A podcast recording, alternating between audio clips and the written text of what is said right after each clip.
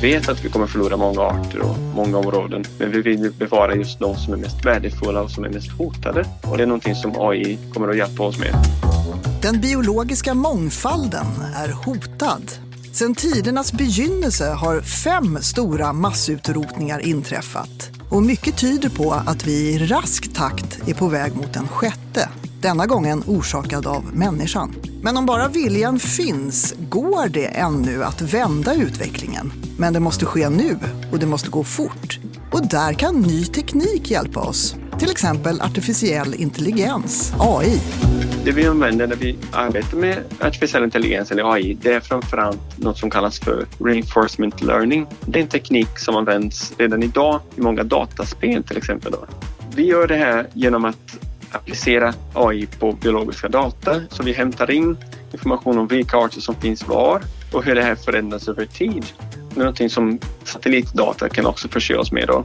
Och vi använder det här för att kunna optimera vilka områden ska man skydda för att så få arter som möjligt ska försvinna. Och det hoppas vi ska kunna bli ett viktigt verktyg för många användare och hjälpa oss att nå de här globala målen. Du lyssnar på Om vetenskap som den här gången tittar närmare på hur AI kan hjälpa oss att bevara den biologiska mångfalden. Jag heter Sofie Persson.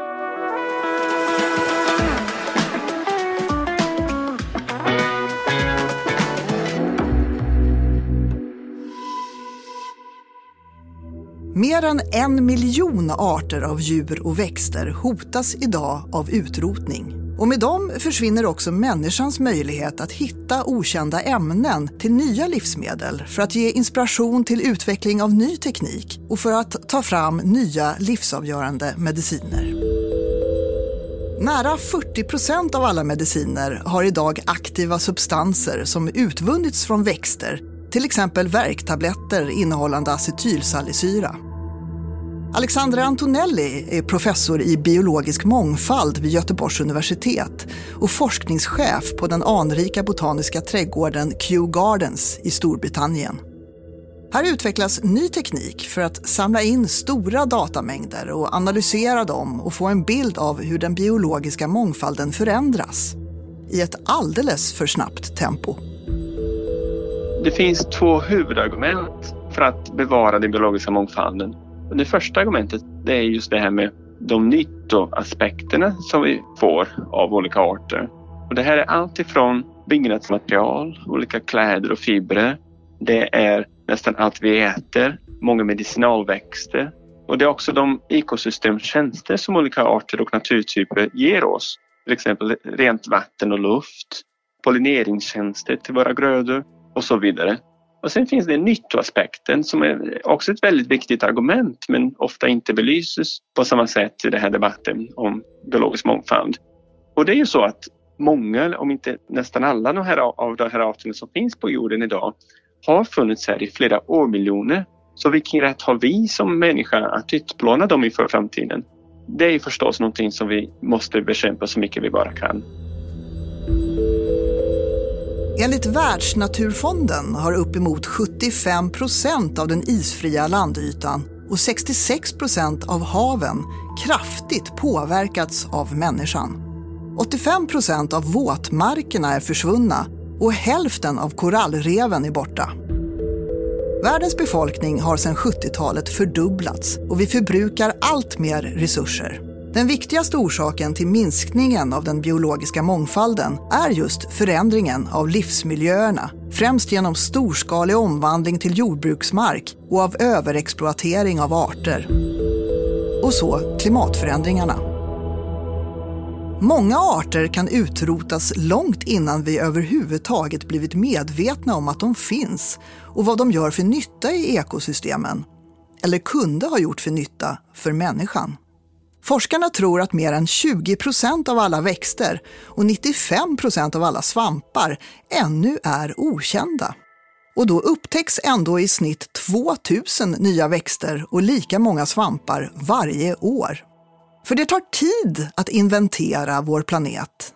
Tidskrävande inventeringar som dessutom måste göras om med jämna mellanrum för att se om en art minskar i antal eller kanske till och med har minskat så kraftigt att den är på väg mot utrotning. Men här kan ny teknik snabba på inventeringarna.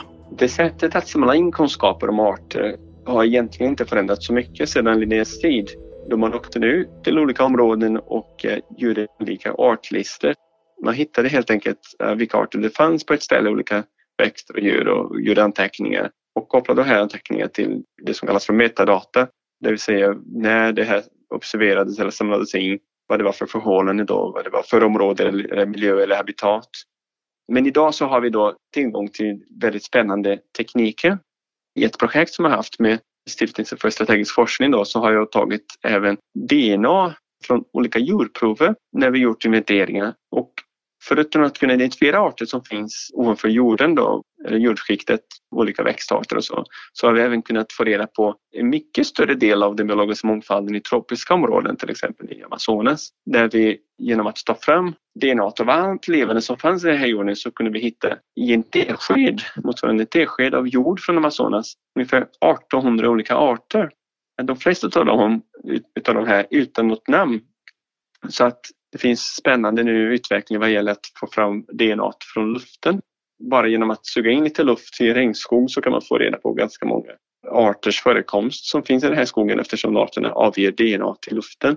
Så att genom att använda sig av DNA-sekvensering och även nu med fjärrbilder, då, till exempel satellitbilder och drönare, så kan vi då komplettera de här mer traditionella inventeringarna och få mycket bättre och snabbare bild av biologisk mångfald och hur, hur den förändras över tid och rum.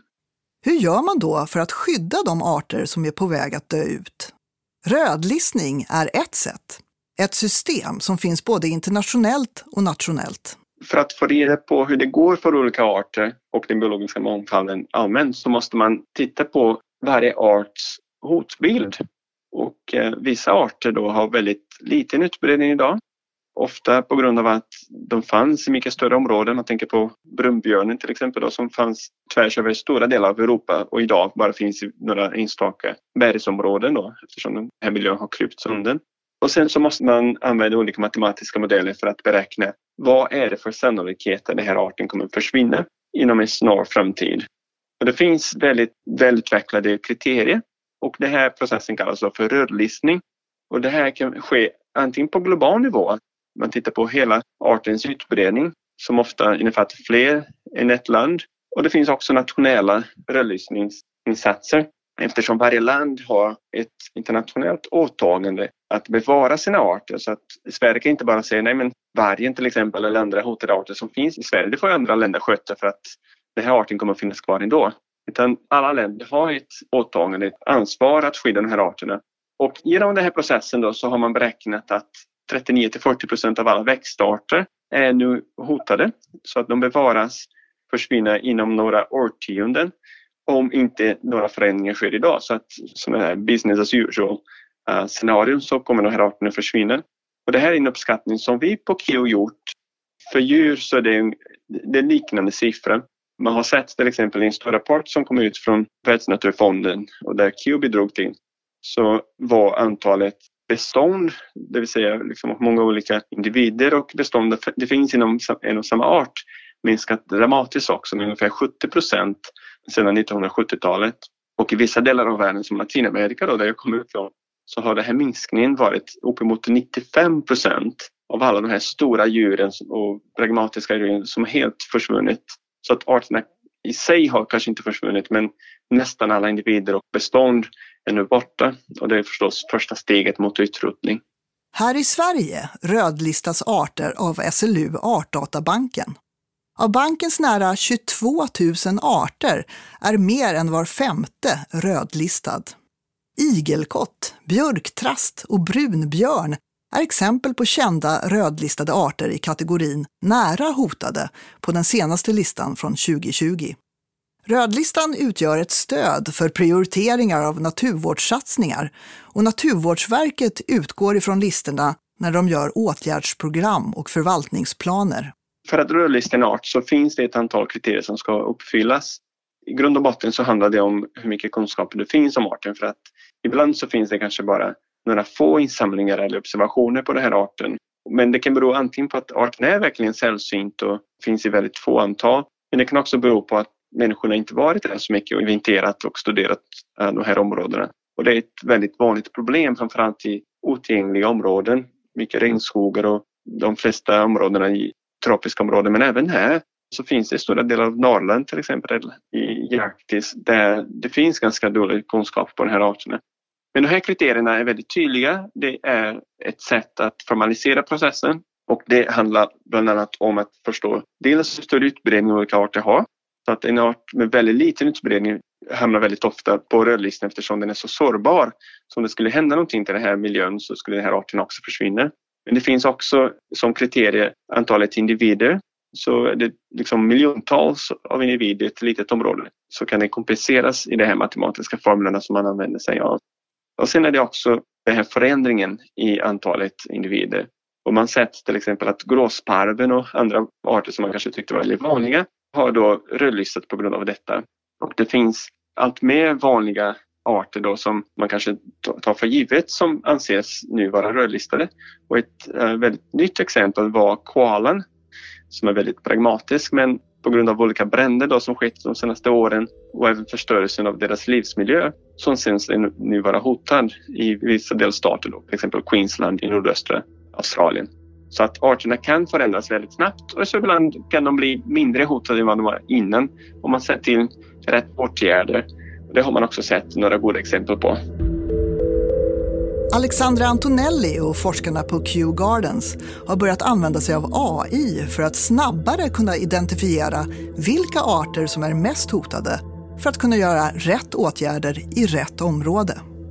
Fördelen med att använda AI är just att man kan effektivisera och man kan förbättra de metoder som används idag. Vi kan få reda på olika hotbild för arter och för områden på ett sätt som inte kunnat göras innan. Vi vet att eh, utifrån våra experiment och eh, undersökningar så har vi mycket större sannolikhet och chans att rädda arter om man väljer områden genom vårt AI-verktyg jämfört med att välja ett område för att bevara då för att skydda bara baserat på andra mått, till exempel hur många arter det finns eller andra subjektiva mått. Så det finns väldigt stora tydliga fördelar och det är också någonting som förstås hjälper oss att satsa resurserna där det behövs som mest. Vi vet att vi kommer förlora många arter och många områden men vi vill bevara just de som är mest värdefulla och som är mest hotade. Och det är någonting som AI kommer att hjälpa oss med.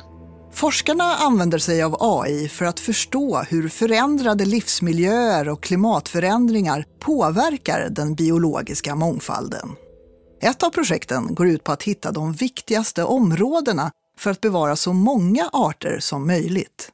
Ja, så artificiell intelligens och maskininlärning framförallt har använts inom väldigt många olika vetenskapsfält. Men vad gäller just biologisk mångfald och eh, liksom den forskning som vi bedriver så är det faktiskt ganska nytt. Och eh, idag så används AI av olika forskargrupper då, och många av mina kollegor för att försöka snabba på den här processen att rödlista arter, att identifiera vilka som är troligen mest hotade. Och det används i några andra sammanhang också. Men så vitt jag vet så finns det inga tillämpningar för att hitta de områdena som är mest väsentliga att skyddas. Och det är det som jag och mina kollegor har jobbat med nu i ett och ett halvt år. Och vi har en artikel som kommer ut precis i Nature Sustainability som visar just på hur artificiell intelligens och olika tekniker inom maskininlärning då kan användas för att eh, hjälpa oss identifiera vilka områden som är viktigast att bevara. Och det är ett ganska komplext matematiskt problem eftersom det inte bara är de områden som har flest antal arter. Man måste tänka på hur mycket de kompletterar varandra och det blir ganska lätt ett ganska svårt problem. Inte minst när man lägger på att klimatförändringar kommer att göra att vissa arter behöver förflytta sig för att kunna överleva. Och när man lägger till de här klimatiska dimensionerna men även mera slumpmässiga effekterna av olika människors påverkan på miljön så är det liksom viktigt att kunna modellera det här för att ta fram förslag på vilka områden som ska skyddas som är så robusta och eh, trovärdiga som möjligt. Och det är det som vi har kunnat göra framgångsrikt och skapat ett verktyg då som nu börjat användas redan ehm, av olika forskare och olika myndigheter också. AI är självlärande och blir bättre ju mer data systemet har tillgång till. Det krävs alltså big data, stora datamängder. Den största begränsningen vad gäller artificiell intelligens är just att man måste ha ganska stora träningsdata. Men som tur är så finns det faktiskt väldigt mycket data på biologisk mångfald. Det finns över en miljard olika observationer och olika insamlade individer då på världens eh, naturhistoriska museer och botaniska trädgårdar. Men även från medborgarforskningen då, olika observationer då, fåglar till exempel. Och allt det här data tillsammans med klimatiska data som samlas in nu i allt löpande takt. Allt det här kan då användas för att träna algoritmer att identifiera vilka områden som förväntas ha de, de största värdena på biologisk mångfald. Men även de områden som är troligen mest hotade utan att man behöver gå till varenda ställe och liksom kolla på vilka olika faktorer det är som påverkar arterna där. Och, och det är någonting som vi kan använda allt mer effektivt genom olika tekniker som eh, integrerar dataset, ibland även i realtid så att man kan se väldigt snabbt huruvida en art eh, kanske blir hotad. Och man kombinerar då satellitdata med utbredningsmodeller för olika arter. Och det är jättespännande och det är någonting som jag tror kommer helt revolutionerande vad gäller artbevarandet. Så tekniken kan hjälpa oss att snabbare få kunskap om var åtgärder bör sättas in först för att förhindra minskningen av den biologiska mångfalden. Men tekniken sköter sig inte själv. Någon måste utveckla den. Jag tror att flaskhalsen för oss just nu som forskningsfält det är just att vi har lite svårt att rekrytera duktiga personer. De är ofta väldigt eftertraktade, de får höga löner. Då kanske vi hamnar i industrin där de kan ha liksom mycket bättre förutsättningar. Både utvecklas kanske vad gäller deras färdigheter men även då mycket bättre lön. Så att vi måste då få en ny generation AI-kunniga personer som intresserar sig för de här miljöfrågorna. Och jag tror att dels så kommer de att känna att det här är mycket mer spännande och kanske värdefullt och meningsfullt i deras liv att försöka rädda världen än att liksom vara på ett företag med olika optimerade lager och, och sånt. Men att vi, vi måste få ut den här kunskapen till dem väldigt snabbt och också träna våra biologer till att förstå mer vad det finns för möjligheter att använda AI och skapa nya samarbeten tvärs över ämnesfälten och olika organisationer också. För både forskarna och tekniken behövs om vi ska nå uppsatta mål. För det finns faktiskt sådana. De flesta har väl hört talas om Parisavtalet från 2015 där världens ledare satte upp klimatmål för att begränsa den globala uppvärmningen till max 2 grader med sikte på 1,5 grader. Men kanske har det gått många förbi att det även finns mål för att bevara den biologiska mångfalden. Redan 2010 beslutade FN om de så kallade Aichi-målen som sattes upp för att skydda biologisk mångfald. Målen skulle vara uppfyllda till 2020. Men det visade sig att inget av de 20 Aichi-målen uppnåtts helt och fullt.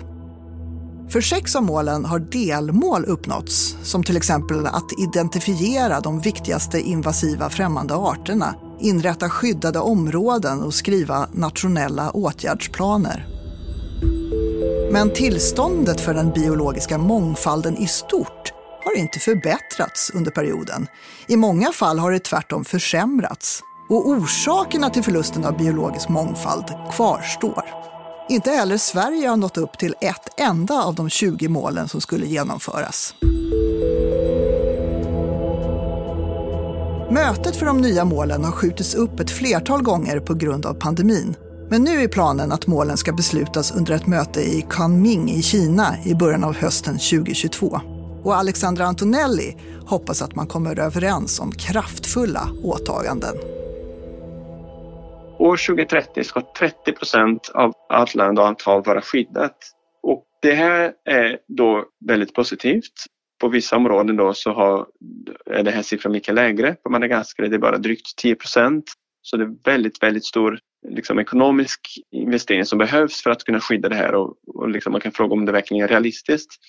Men det finns också problem med det här förslaget. Och det är det som jag har jobbat ganska mycket de senaste två åren då för att försöka lösa det här och, och bemöta det på ett bättre sätt.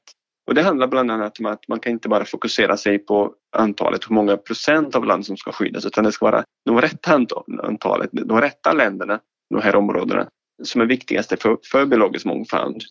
Och sen så är det så att det här är inte ett ja och nej fråga. Om man skyddar ett område så måste man också se till att det implementeras så att det skyddet som finns, inte bara på papper, utan att det även efterlevs av de här arterna som finns i skyddade områden verkligen har en bättre chans att överleva än, än andra då. Och där finns en stor variation eh, mellan olika länder då, hur, hur bra det här faktiskt fungerar. Och det, det anser jag är helt avgörande för vår möjlighet att bevara den biologiska mångfalden inför framtiden. Så att dels så måste det vara ambitiösa mål men framförallt så ska det vara mål som går att genomföra så det måste finnas ett finansiellt eller ett ekonomiskt paket som är direkt kopplat till de här målen då, hur, hur de ska uppfyllas och eh, implementeras i olika länder. Det måste också finnas ett lagligt krav. Så det ska inte vara frivilliga insatser då och det var också ett, ett av problemen i de, de förra målen, att det var bara liksom frivilligt. Utan det här måste eh, vara ett sätt att hålla våra ledare ansvariga om de inte uppfyller det. Och eh, det är också så att om man inte gör det här rätt, om man inte får, får till det på ett mycket bättre sätt än vad man gjort tidigare så tror jag det blir för sent. För vi ser ju att arter försvinner hela tiden överallt, eh, ofta utan att vi vet om det. det. det. måste till väldigt stora förändringar och de här internationella målen som kommer att sättas upp och klubbas i år kommer att vara helt avgörande för framtiden. Men är det så farligt då om det dör ut några arter? Det har väl gått ganska bra ändå, trots att vi inte har några dinosaurier springandes på gatorna.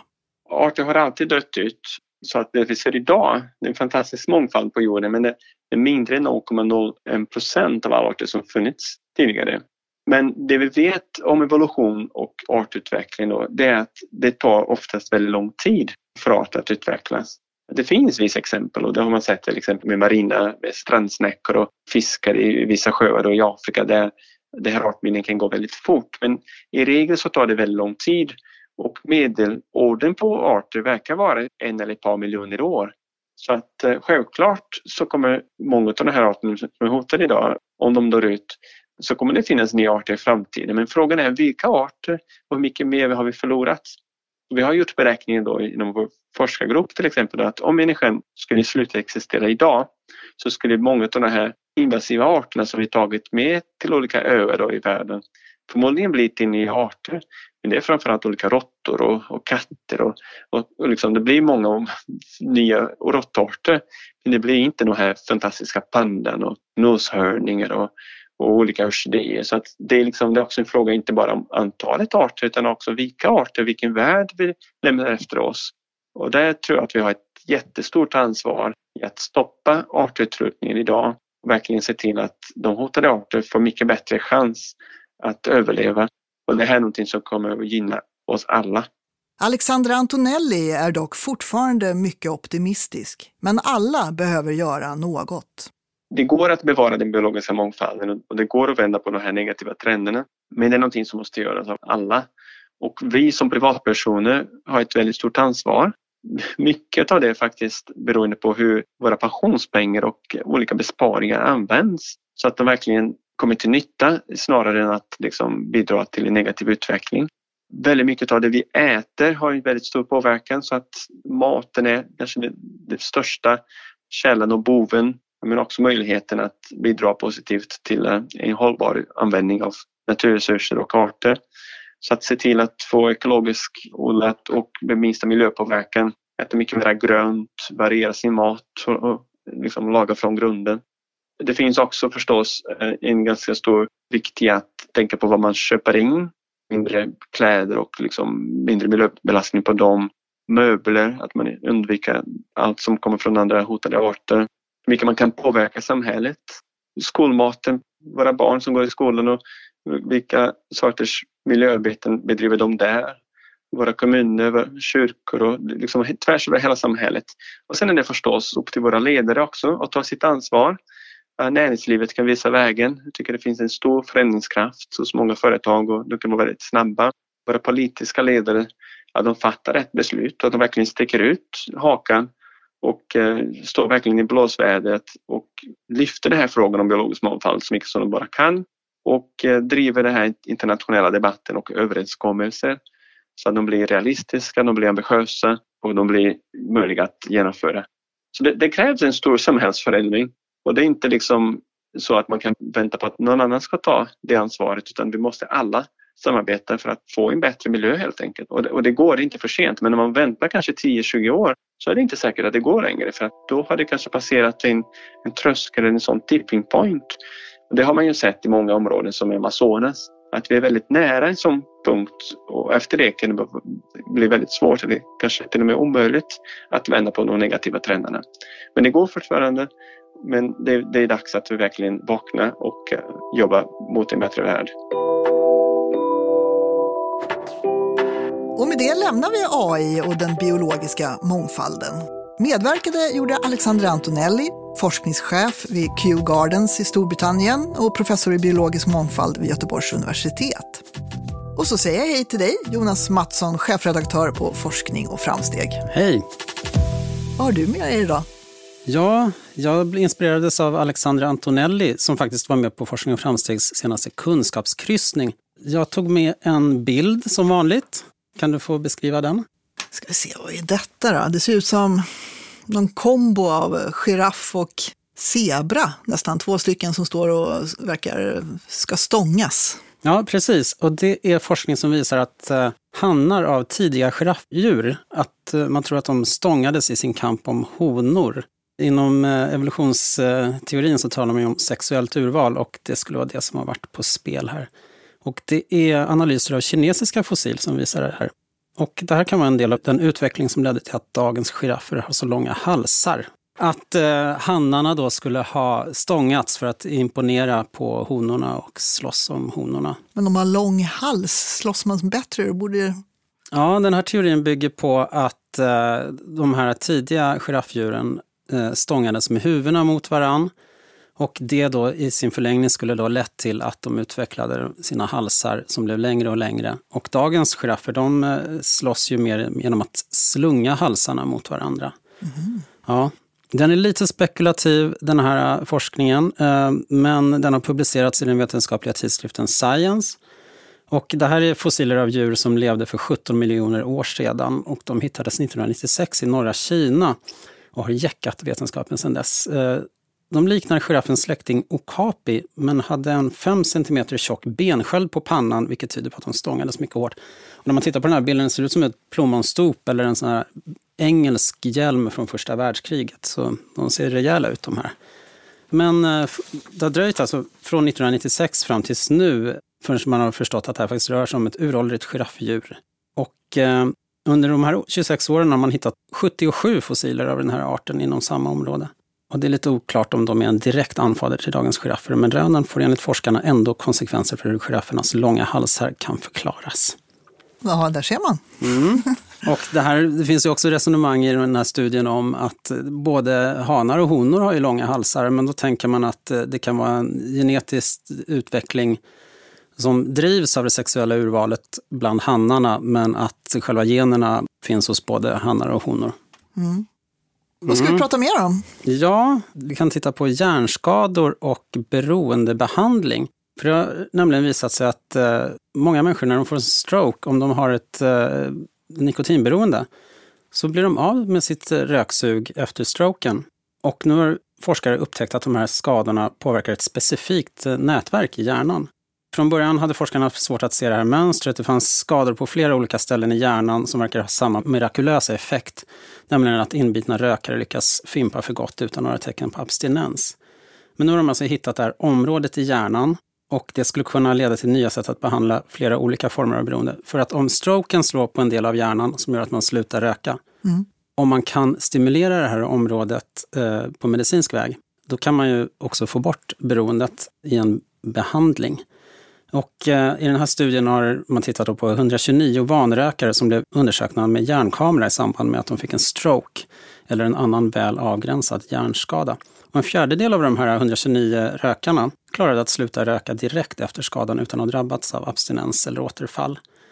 Då tänker man att man kan använda transkraniell magnetstimulering Oj. för att stimulera den här delen av hjärnan för att få slut på beroendet. Är det någonting med elektroder? Eller? Det är pulserande magnetfält från elektroder som riktas mot hjärnan då, ja. utifrån.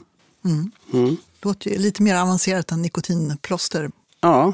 Jaha, vad, vad mer ska vi prata om? Ja, det är ju val i höst och då kan man titta på väljarbeteende. Eh, det är forskare vid Göteborgs universitet som specifikt har tittat på vad som händer när människor får barn. Vad händer med deras politiska engagemang? Mm. Och då har de visat sig att under graviditeten så blir kvinnor särskilt mindre politiskt engagerade. Och eh, det här vet de genom en enkätstudie med drygt 200 svenska förstagångsföräldrar som följdes innan graviditeten fram till ungefär fyra år efter födseln. Och det här skedde mellan 2015 och 2019. Och för kvinnor särskilt minskade engagemanget generellt under perioden. Och I vissa fall skedde minskningen redan under graviditeten och låg kvar på en lägre nivå när barnet var två till fyra år gammalt. De faktorer de tittade på var hur mycket söker du efter politisk information, hur mycket diskuterar du politik, hur mycket deltar du politiskt, till exempel genom att delta i politiska diskussioner på internet, hur aktiv är du att försöka förändra saker politiskt och vad är det för attityder kring politik? Till exempel huruvida du tycker att du kan mycket om politik. Och det mesta av det här minskade då under graviditeten. Det forskarna har pratat om tidigare kring det här, det finns lite studier tidigare som pekar på det här, det är att det helt enkelt handlar om att man har mindre tid. Och man kan också se att det finns en liknande minskning hos pappor, fast inte alls lika stark. Och intressant är att eh, papporna pappornas eh, engagemang minskar lite senare, när barnet är lite större. Men eh, de här forskarna som tittat på det här, som har publicerat också i American Political Science Review, de tror att det också kan ha hormonella förklaringar. Mm -hmm. Men det är också en tolkning som de gör som bör studeras närmare om vi ska säga att det verkligen är så. Ja. Som i forskning så är det rörlig kunskap som hela tiden utvecklas. Mm. Vem vet, intresset kanske går upp när ungarna börjar bli lite äldre och tonåringar, när man mer bryr sig om samhället utanför sin egen lilla familjesfär kanske. Kanske det. Ja. Men det jag kan säga är att eh, i eh, tidningen Forskning och framsteg så har vi ett långt reportage om mäns och kvinnors eh, väljarbeteende och där ser man att eh, de glider allt mer ifrån varandra. Där kvinnor är mycket mer engagerade i omsorgsfrågor inom välfärden medan män är mer intresserade av lag och rättvisa och kriminalitet och så. Mm. Och eh, om kvinnors engagemang minskar kan man ju tänka sig då att det här får mm, det. effekter då på valresultatet. Just det. Så det får vi se. Mm i höst. Mm, ja, spännande. Ja, mm. det får vi verkligen se. Jaha, men eh, då får jag tacka dig så mycket Jonas Mattsson, chefredaktör för forskning och framsteg. Tack så mycket. Och det här var sista avsnittet av Om vetenskap för den här säsongen. Men fler spännande avsnitt finns att lyssna på där poddar finns. Jag heter Sofie Persson. Tack för den här gången. Om vetenskap produceras av Filt för den oberoende stiftelsen för strategisk forskning.